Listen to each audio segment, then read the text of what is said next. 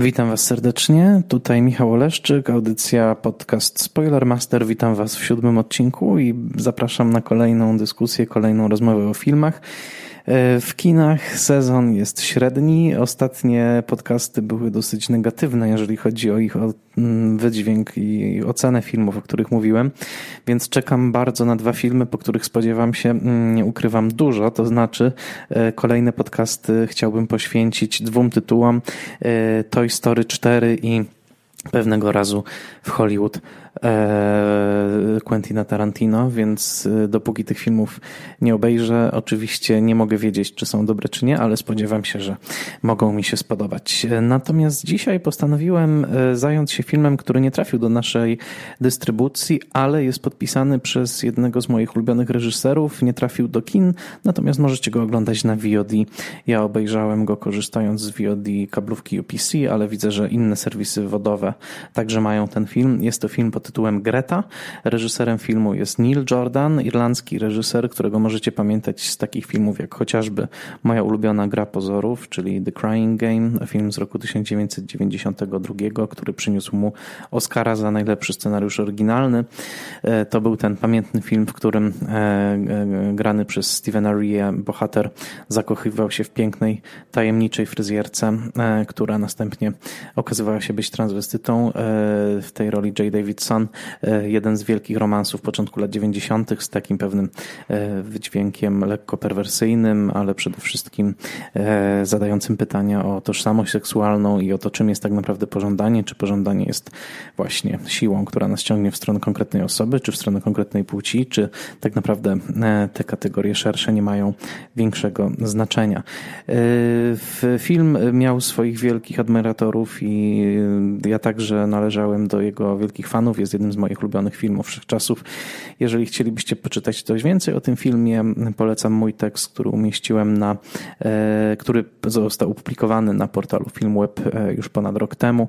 Jeżeli wygooglujecie moje nazwisko Michał Oleszczyk i Gra Pozorów, wyskoczy wam e, spory esej, który opublikowałem właśnie o Grze Pozorów w cyklu, który comiesięcznie uaktualniam na Filmwebie, czyli w cyklu Reaction Shot, w którym omawiam mm, troszkę starsze filmy, do których wracam po latach i piszę o swoich świeżych wrażeniach.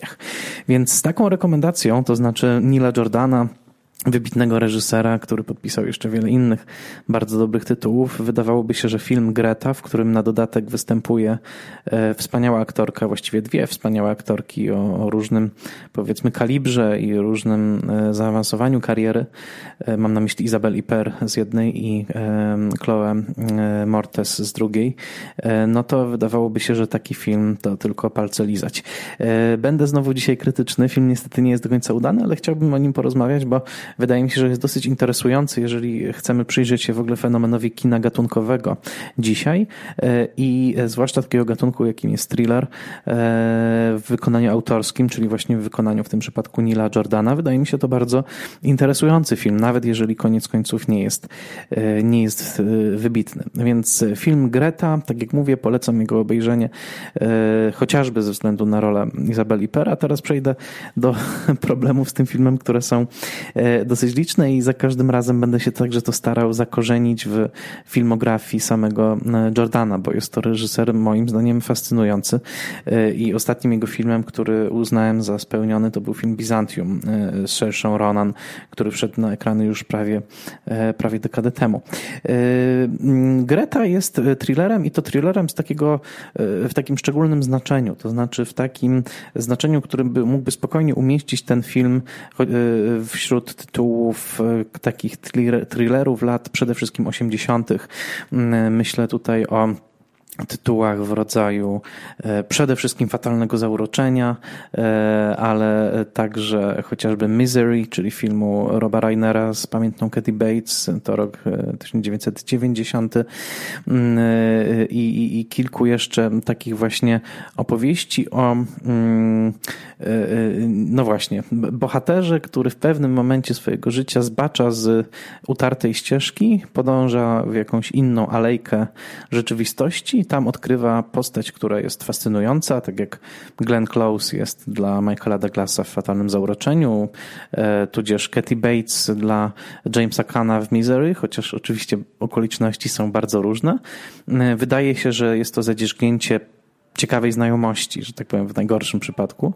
A okazuje się, że no, w, życie bohatera zamienia się w koszmar. To znaczy e, w fatalnym zauroczeniu mamy najpierw gorący, e, jednonocny e, romans z Glenn Close, po czym okazuje się, że Glenn Close wcale nie chce potraktować tego romansu właśnie w ten sposób i zaczyna, mówiąc językiem już bardziej dzisiejszym, stalkować Michaela Douglasa, a to stalkowanie przyjmuje dosyć barokowe formy, włącznie z pamiętną sceną gotowania królika, która ma zastraszyć naszego bohatera bohatera. Koniec końców dochodzimy do krwawej konfrontacji i, że tak powiem, klaszczemy jako widzowie, kiedy Michael Douglas zabija swoją prześladowczynię. Notabene sądzę, że dzisiaj ten film raczej nie doczeka się remake'u. Nasza wrażliwość e, zmieniła się znacznie. Myślę, że ewentualnie w drugą stronę można by ten film remakeować, e, jeżeli chodzi o role męskie i role kobiece. E, tudzież Misery, ewentualnie jeszcze taki film jak chociażby Przylądek Strachu, prawda? Ta stara wersja, ale także nowa z roku 1991. To też jest taki film, w którym e, no akurat tutaj mamy sytuację taką, że do bohatera wraca postać z jego przeszłości związana z jednym z procesów sądowych, w których uczestniczył i zaczyna go terroryzować. No kluczowym, kluczową cechą takiego thrillera, o jakim mówię, jest właśnie to, że bohater prowadzi bardzo uporządkowane życie i nagle coś się zmienia i pojawia się w tym życiu, nazwijmy to agent chaosu. Tak to dzisiaj będę nazywał. Agent chaosu, czyli albo właśnie owa kobieta w fatalnym zauroczeniu, albo mm, e, e, postać Katy Bates, czyli mm, Annie Wilkes w Misery, albo e, Max Cady w mm, Przylądku Światu, przy, Przylądku Strachu i teraz wszystko zależy od tego, w jaki sposób bohater poradzi sobie, żeby usunąć owego agenta chaosu. No i zazwyczaj oczywiście musi się to wiązać z zamordowaniem e, tego agenta e, i jakby odnalezieniem w sobie wystarczająco dużo takiej zwierzęcej siły i prymitywnej, atawistycznej siły przetrwania, żeby dokonać tego mordu, tak? Żeby już nie bawić się w dwuznaczności, nie bawić się w mm, no, takie mm, rozważania, prawda? A może Max Cady się zmieni, może ma sumienie. Nie. Zazwyczaj jest tak, że w takim thrillerze, e, który powiedziałbym, że zbliża się już chwilami wręcz do horroru, ma też elementy makabry. Chodzi o to, żeby także widz zaczął pojmować tego agenta chaosu jako rodzaj zagrożenia, które tylko i wyłącznie poprzez śmierć, poprzez zadanie śmierci może zostać rozwiązane. No jest to gatunek bardzo fascynujący, dlatego że on każe nam zadawać pytania dotyczące przede wszystkim na naszej kultury, naszego takiego stosunku do przemocy.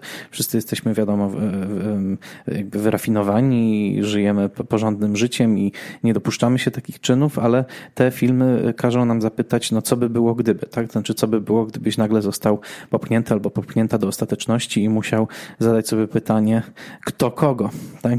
Kto przetrwa e, zwarcie. Więc takie thrillery, ja uwielbiam ten gatunek swoją drogą thriller to jest jeden z moich ulubionych gatunków. Mm, w takim wydaniu także. Mm, e, to jest, to jest bardzo ciekawe, bo na naszych oczach i na tym polega tak naprawdę spektakl takiego thrillera, zazwyczaj świetnie zagranego. E, e, widzimy w jaki sposób właśnie o przykładny obywatel czy przykładna obywatelka powolutku, krok po kroku pod wpływem konfrontacji z agentem chaosu staje się no, autorem przemocy. I dokładnie tak zbudowana jest Greta. E, tutaj Chloe Mortes gra mm, młodą dziewczynę, mieszkającą w Nowym Jorku, e, która jest świeżo po stracie swojej matki mm, i e, wciąż jeszcze przeżywa tą, tę żałobę. Dodam Chloe Grace Martes oczywiście. I przeżywa tę żałobę i któregoś dnia mm, film zaczyna się w ogóle sceną w nowojorskim metrze. Nie wiemy jeszcze czyje plecy śledzimy, ale w tle płynie taka sentymentalna piosenka pop, kojarząca się z takim balonowym popem lat 50., 60 i, i widzimy właśnie tajemniczą postać, widzimy plecy, widzimy odjeżdżający e, e, wagonik metra nowojorskiego, więc wszystko jest w takich barwach właśnie srebrno-chromowych, jak to w nowojorskim metrze i e, tam w tym metrze okazuje się, że ktoś zostawił torebkę, kobiecą, damską torebkę. I to jest tak naprawdę przyczynek do całej, do całej historii.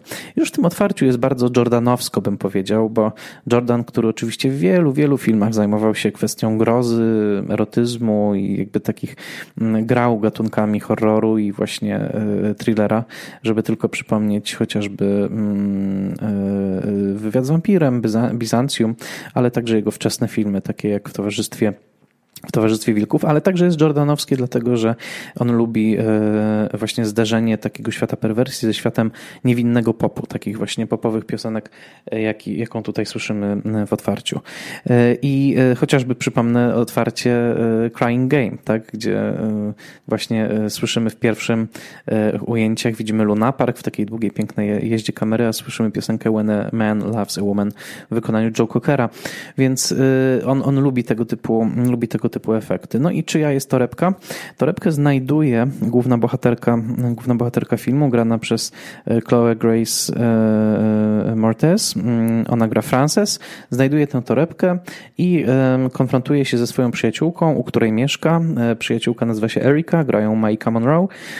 Erika jest z bardzo zamożnej rodziny. Dość powiedzieć, że ojciec kupił jej mieszkanie w dzielnicy Tribeca w Nowym Jorku. To mieszkanie jest tak wielkie, że Frances może nawet po nim jeździć na rowerze w jednej z więc mówimy tutaj o milionach dolarów. To jest niebywale obecnie prestiżowa dzielnica, e, kiedyś dawniej głównie przemysłowa, mieszcząca e, manufaktury, fabryki i, tak dalej. To jest ten tak zwany triangle beneath Canal Street, czyli dosłownie trójkąt poniżej Canal Street.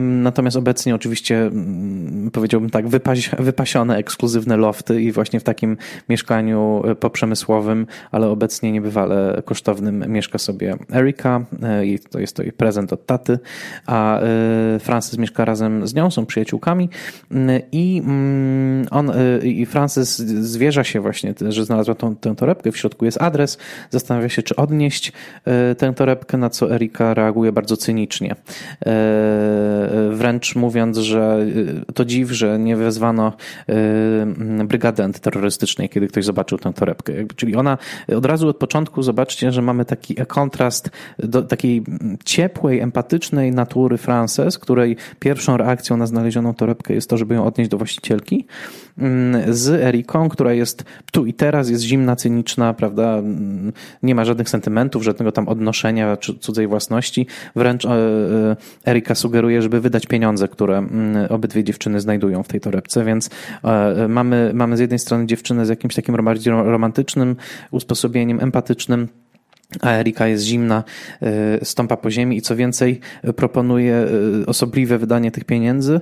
Może nie tyle osobliwe, co ultra przyziemne, e, to znaczy proponuje wspólny zabieg płukania okrężnicy, czyli jakby wydanie pieniędzy na płukanie jelita, co jest oczywiście zabiegiem higienicznym, medycznym, nie ma w nim nic złego, natomiast jest w nim coś no, niebywale antyromantycznego, tak bym powiedział, więc mamy od razu taki wyraźny, wyraźny kontrast. No, Francis się na to nie godzi, nie idzie płukać okrężnicy razem z Eriką, tylko rzeczywiście odnosi torebkę e, Grecie, właśnie tytułowej Grecie. To imię nie jest niewinne, bo łączy się z tym, mm, z najsłynniejszą Gretą, prawda, z Gretą Garbo oczywiście, czyli tak naprawdę z pierwszą razem z Polą Negri może europejską gwiazdą, która podbiła Hollywood, nie ukrywając swojej egzotyki, tylko wręcz ją podkreślając. Greta już zawsze będzie Greta Garbo. E, I ten temat właśnie europejskiej obecności w Stanach, europejskiego wpływu, europejskiej tajemnicy jest niebywale obecny w tym filmie, bo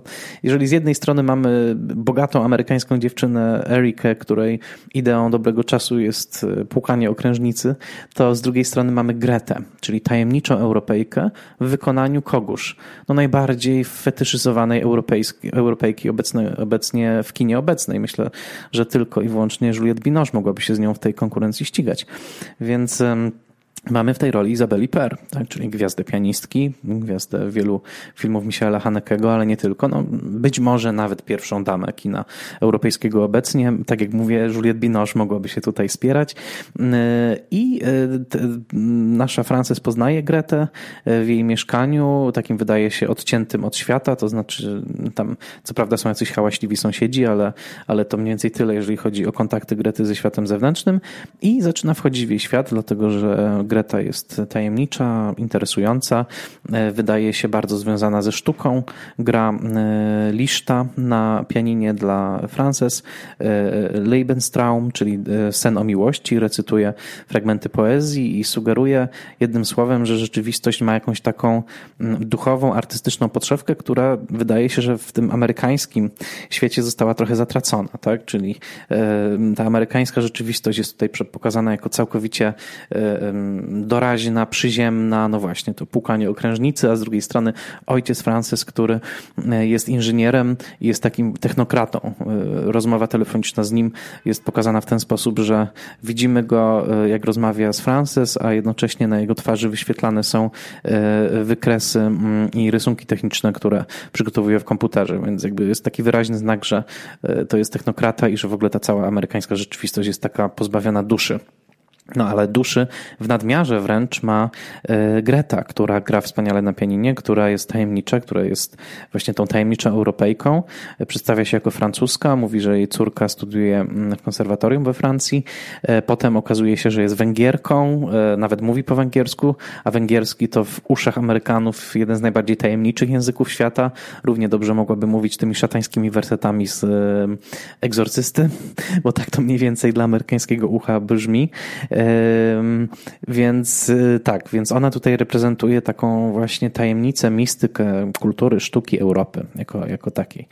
No i co się dzieje? No, mm, Frances najpierw wchodzi w orbitę Grety, SMS-y, spotkania, y, pomaga mm, wrócić Grecie do życia, bo Greta mówi o swoim nieżyjącym psie. Mm, Frances pomaga jej adoptować kolejnego psa, więc y, poniekąd pomagając zaleczyć Grecie jej rany, Frances także zalecza swoje to znaczy przepracowuje tą pracę żałoby związanej z odejściem matki, chociaż jak Erika całkiem przytomnie i znowuż cynicznie zauważa, jej współlokatorka mm, Greta jest rodzajem e, zastępczej matki dla Frances i ten temat jest tutaj wygrany. To znaczy być może Frances poszukuje takiej figury matki i być może Greta staje się taką figurą matki dla niej i stąd to takie nagłe przylgnięcie. No, Frances szybko orientuje się, że przylgnięcie ze strony Grety jest trochę za silne e, i zaczyna się właściwa część thrillera, tak? To znaczy E, Frances zaczyna otrzymywać nadmierną ilość SMS-ów od Grety, próbuje się od niej odciąć, a pewnego dnia E, znajduje e, w jej e, szafce paręnaście identycznych torebek z karteczkami, dokładnie takich, jakie sama znalazła któregoś dnia i orientuje się, że Greta najwyraźniej, mając jakieś super źródło otrzymania, krąży po Nowym Jorku, rozsiewa te torebki po metrze i czeka tylko na to, aż ktoś, jakaś ofiara wpełznie w jej pajęczynę i ona będzie mogła czerpać z niej życiowe soki. Moment odkrycia tych torebek jest jednym z bardziej udanych momentów tego filmu. Orientujemy się nagle w strategii Grety i orientujemy się, że być może Frances ma kłopoty. Yy, później, kiedy Frances próbuje się odkleić od Grety, zaczynają się kłopoty jeszcze większe, tak jak mówię, SMS-y, wiadomości, pogróżki, mm, a nawet w jednym momencie mm, Frances pracuje jako kelnerka, yy, Greta pojawia się po drugiej stronie ulicy i zaczyna się wgapiać w Frances, co jest oczywiście klasycznym e, zabiegiem z podręcznika stalkowania napisanego przez Maxa Cady'ego. Żartuję, oczywiście nie ma żadnego takiego podręcznika, ale dokładnie to samo robił Max Cady e, w Przylądku Strachu, to znaczy po prostu wpatrywał się tak milcząco z drugiego końca ulicy i to wystarczyło, żeby wystraszyć Nika Noltiego i Jessica Lang i Juliette Lewis. Więc y, tak, zaczyna się właśnie ta część horrorowa i niestety y, thrillerowa i niestety zaczynają się także kłopoty z filmem, bo scenariusz jest bardzo słabiutki, to znaczy przede wszystkim mam wrażenie, że w tym filmie nigdy nie zostaje tak naprawdę ustalona czy ustanowione to zagrożenie związane z Gretą. Nie do końca wiemy na czym polega jej groźność, tutaj jej groźba. Jest to dosyć y, drobno zbudowana kobieta, co prawda o sile wewnętrznej Izabeli Per, ale ona nie robi w tym filmie nic takiego, co by jakby uprawomocniło obawy związane z nią. E, przede wszystkim nie ma stopniowania tej groźby, tak? To znaczy nie ma takiego momentu, w którym byśmy zdali sobie sprawę, na czym polega jej chwilowa przewaga nad mm, postacią Frances. W przypadku klasycznego thrillera Adriana Lina, czyli właśnie Fatalnego Zauroczenia, było to dosyć jasne. To znaczy Glenn Close mogła zaszantażować Michaela Douglasa, mówiąc, że jeżeli e, nie będziesz ze mną spotykać, to ja powiem wszystko twojej żonie e, Tutaj nie ma takiej dzielonej tajemnicy. Tak? W przypadku Misery sprawę załatwiała złamana noga bohatera. Nie mógł się ruszyć z łóżka. En, Eni się nim opiekowała. Tak? I tak dalej, i tak dalej. Więc tutaj nie ma, nie ma takiego mechanizmu i tak naprawdę e, nie czujemy tej groźby ze strony Grety. Jest to wręcz chwilami trochę śmieszne. Jak ona pojawia się po drugiej stronie ulicy, fajnie by było, gdyby jednak ta groźba była podkręcona.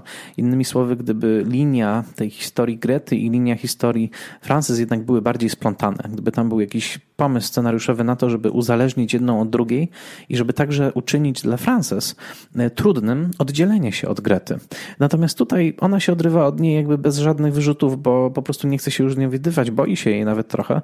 Natomiast e, całkowicie zostaje wyrzucony do kosza ten element główny, to znaczy właśnie tego emocjonalnego uzależnienia, który wraca później, ale troszeczkę, e, troszeczkę za późno. Więc Greta zaczyna przekraczać kolejne granice, zaczyna także chodzić za Eriką w idiotycznej sekwencji, kiedy robi jej zdjęcia e, z zapleców i wysyła te zdjęcia do, mm, do Frances. Wszystko byłoby wspaniale, bo jest to fantastyczny pomysł na taką scenę, ale niestety scena jest położona przez złe tempo i e, taki brak znalezienia właściwej tonacji dla tej sceny. To czy muzyka tam pulsuje co najmniej, jakby właśnie walił się świat, natomiast nie zostaje zbudowana mm, w sposób elegancki stopniowanie napięcia i zbudowanie tej całej sceny. Mm, później pojawia się jeszcze E, prywatny detektyw grany tutaj przez Stevena Raya, więc ile, jak tylko widzimy tę twarz, to wiemy, że jesteśmy w Jordanolandii, bo to jest ulubiony aktor Nila Jordana. I ta postać to jest dopiero scenariuszowy kiks. To znaczy fakt, że facet przychodzi jako detektyw, dokonuje i wykonuje jakieś śledztwo i nagle jakby wchodzi do mieszkania Grety, rozmawia z nią. Ta stosując techniki ninja e, podbiega do niego na paluszkę i wbija mu e, strzykawkę. On się w ogóle nie broni.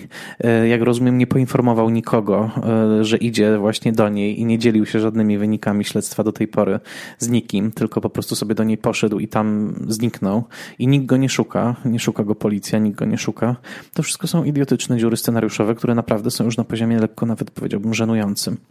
E, kolejną taką dziurą jest oczywiście fakt, że kiedy już e, przychodzi to do czego jesteśmy w ostatnim akcie i Frances zostaje zamknięta w mieszkaniu Grety, to jest idiotyczny e, e, wątek, ponieważ zostaje zamknięta, biega po tym mieszkaniu, w pewnym momencie wyrywa się spod kontroli, spod kontroli Grety i zamiast zrobić rzecz, która zapewniam, w Nowym Jorku w środku dnia raczej by podziałała, to znaczy otworzyć okno i krzyknąć pomocy, ale ona tego nie robi, bo wszystkie okna, e, no nawet nie podbiega do okna, tak? Nie ma nawet tego pomysłu. A, a to nie jest jakieś odludzie. Ona mieszka w mieście. Więc gdyby chociażby krzyknęła, tak? E, można by przynajmniej próbować taką scenę e, zrobić. To mogłoby być oczywiście w jakiś ciekawy sposób zaprzepaszczone, tak? Ale można by przynajmniej spróbować. Ona tego niestety, niestety nie robi.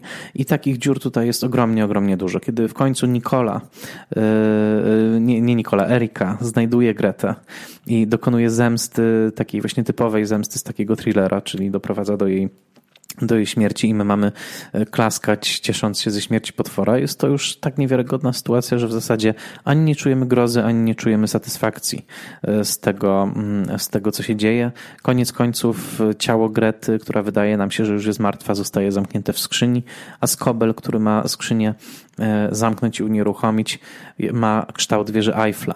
W ostatnim ujęciu ta wieża Eiffla zaczyna drgać, okazuje się, że Greta żyje, być może wyjdzie znowu z tej skrzyni, no i to znowu ten wątek, że być może ta Francja, ta Europa, te Węgry, e, ta energia dziwna europejska wyjdzie z tej skrzyni, tak jak ta wieża Eiffla, która zaraz wypadnie ze skobla e, i będzie znowu niepowstrzymana. W jednym momencie nawet Greta krzyczy do Stevena Ray I am a legal alien. To znaczy dosłownie jestem jakby legalnie w tym kraju, bo to jest taki żargon prawny oznaczający legalnego imigranta w Stanach Zjednoczonych. Więc e, powiem tak, nawet gdyby Donald Trump oglądał ten film, to e, by zapewne bił brawo, bo ten film troszeczkę pokazuje, że ci legal aliens niosą jakieś zagrożenie dla e, e, dobrych amerykańskich dziewczyn, takich jak postać Chloe. Oczywiście trochę tutaj żartuję. Natomiast no, niestety jest to bardzo nieudolny thriller ze znakomitymi rolami, bo oczywiście Mortes i, i Per są świetne, ale aż dziw bierze, że scenariusz nie został bardziej dopracowany. Ilość niewiarygodnych momentów jest tutaj niestety niestety ogromna. E, dodam też, że film wpisuje się w interesujący taki podgatunek, to znaczy mm, taką, mm, to można by cały, cały katalog zrobić filmów, w których mamy postać silnej Europejki i jej asystentki, e, która pochodzi ze Stanów, ewentualnie w jeszcze szerszą kategorię takiego filmu o dwóch kobietach w takiej dwuznacznej relacji właśnie siły i zależności. To pewnie można by wyśledzić aż do persony Bergmana, ale z ostatniego dziesięciolecia mam na myśli przede wszystkim film Sils Maria w reżyserii Olivera Asayasa, gdzie owa druga pierwsza dama, o której wspomniałem, czyli Juliette Binoche, była w podobnym klinczu, nie thrillerowym, chociaż chwilami nawet thrillerowym, e, z Kristen Stewart, e, czyli jej amerykańską asystentką. I tam też były niezłe gierki psychiczne, jeżeli chodzi właśnie o tę ich relację.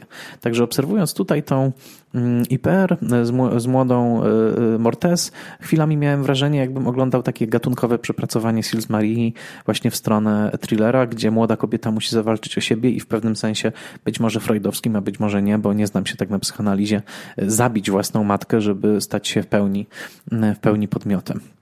E, Greta jest filmem chwilami stylowym, chwilami, zwłaszcza poprzez, e, e, tak jak mówię, dobór niektórych piosenek w tle czyni Jordan takie zakusy w stronę stylu.